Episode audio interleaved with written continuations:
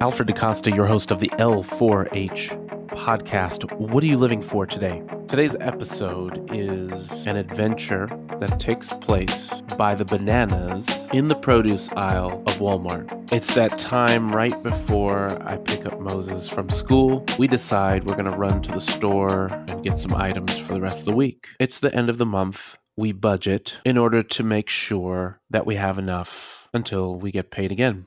We walk in, we pick up a few items, and all of a sudden, I feel a vibration in my pocket. It's a notification. I pull it out, and it says, Transaction has been cleared. $50 has been removed from your account. In shock and horror, I'm trying to see what on earth could have cleared my account because I've paid all the bills. And what was left in the bank was enough to carry us through for, say, things like ongoing expenses like gas, food, and other things that might come up. Well, to give you a little insight, this is what happened. As you were reading in the newsletter, I'm a person that likes to do the seven day trial of just about everything. And I've become a pro at managing subscriptions sometimes these innovations show up in my social media timeline. I'll click on it. I see that it has some potential. I'll look into it and I'll subscribe. A lot of the times, though, they require that you connect your credit card. Other times it's through places like the Apple Store where it will just take it out of your account because it's already linked to your card. There you have it. Well, in this case, the innovation of the time was this program called Prompt Smart. I had used it when I was at Union. I was using it under the free trial. I think I even paid for it once, but then they came up with a desktop version and they allow you to trial that for a while. Well, what I didn't read was the fine print that says if you have have this on your app, it's not the same as the desktop version, which means that even though I had it canceled, I would still be charged. And so the transaction took place at the very moment I was standing at Walmart getting the last bit of groceries I needed to make it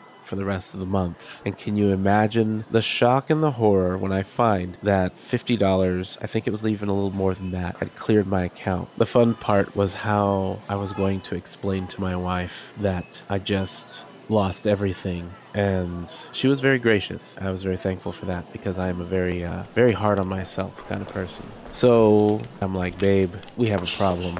I'll be right back. I wasn't getting very good reception in the store. I had my laptop in the car. She's waiting. I go to the car. I hook up the laptop and I'm looking and I'm looking. I'm like, what could have happened? How could this have happened? What am I going to do?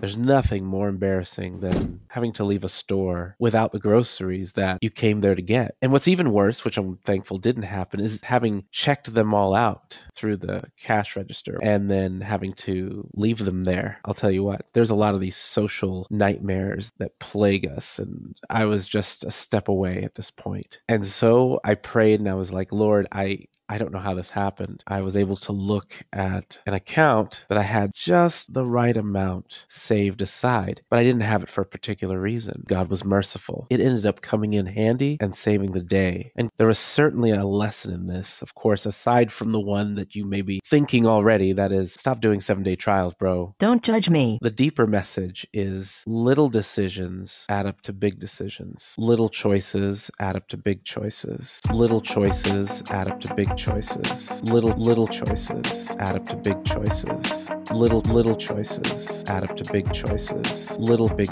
little big little big little big little choices add up to big choices.